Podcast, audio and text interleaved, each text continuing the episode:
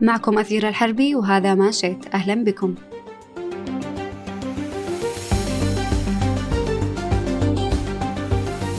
حلقة اليوم سينمائية تماما. نتحدث عن مهرجان البحر الأحمر السينمائي الدولي وعن فيلم ناقة اللي شغل منصات التواصل الاجتماعي الأيام الماضية. من غرب المملكة وتحديدا في جدة انطلق مهرجان البحر الأحمر السينمائي الدولي في دورته الثالثة تحت شعار قصتك بمهرجانك. يرسخ مكانة جدة كمركز ثقافي وفني ويرسخ حجم نمو قطاع السينما والأفلام في المملكة. في حفل ضخم يجمع نجوم ومخرجين وصناع سينما عالميين ومحليين للاحتفاء بالفن والسينما في كنف هذا الحدث السنوي البارز. المهرجان ابتدى ضخم من أول نسخة وفي النسخة الثالثة ازداد تألقا بحضور نجوم الفن والسينما من مختلف أنحاء العالم.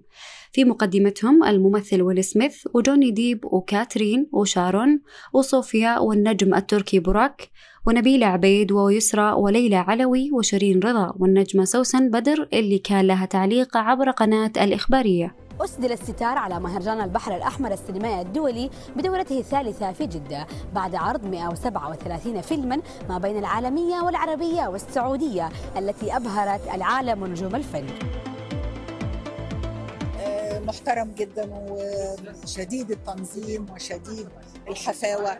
ومهتم جدا بكل التفاصيل اللي ممكن تضيف قيمة آه، لأي مهرجان عالمي فلم يقل عن أي مهرجان عالمي في التنظيم والدقة واختيار الأعمال والفعاليات والنشاطات الموجوده. انطلاق مهرجان البحر الأحمر السينمائي هذا العام دليل على استمرار نجاحه ونموه لأنه يعكس التطورات والابتكارات في عالم صناعة السينما كما يقدم أحدث الأفلام الروائية والوثائقية والأعمال القصيرة وافلام الرسوم المتحركة. المهرجان افتتح أعماله بالعرض العالمي الأول لفيلم الفانتازيا السعودي حوجن للمخرج ياسر الياسري ومن إنتاج Image Nation أبو ظبي و MBC Studios و Vox Studios.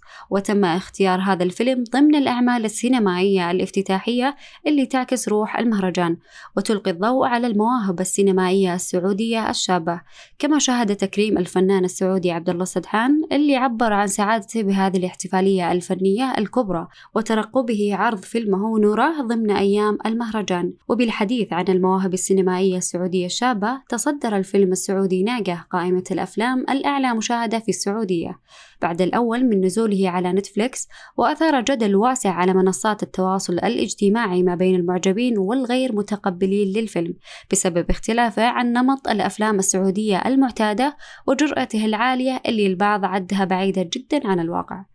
الفيلم من كتابة وإخراج مشعل الجاسر ويمزج الفيلم ما بين الرعب والكوميديا والإثارة وحسب رأي الجمهور الجرأة لأن الفيلم تضمن بعض الكلمات والألفاظ اللي مو مرة قريبة من المجتمع السعودي وعلى فكرة هذا الفيلم سبق وحاز على استحقاق عالمي بعدما اختاره مهرجان تورنتو السينمائي الدولي سبتمبر الماضي ضمن قسم عروض منتصف الليل اللي تضم أهم الأفلام حول العالم. إحنا ما راح نحرق الفيلم بس بنذكر بمقتطفات ذكرها المخرج مشعل الجاسر حين تحدث للشرق الأوسط في الأسبوع الماضي حول الفيلم وذكر أنه مزيج ما بين الإثارة والكوميديا وقال أنه يتمنى أن الفيلم يكون مدرسة جديدة للأفلام السعودية لأننا اعتدنا على مشاهدة الأفلام السعودية بطابع درامي أو كوميدي ولكن فيلمنا مختلف فقصته تحدث في يوم واحد ويمكن وصفه بالنكبات المتتالية وذكر مشعل بأن هذا العمل استغرق منه سنتين ونصف وهو فيلمه الطويل الأول بعد سلسلة من الأفلام القصيرة. ما وصفه بالتحدي الكبير من حيث القدرة على كتابة النص الطويل بميزانية أعلى من المعتاد وجهد سينمائي كبير.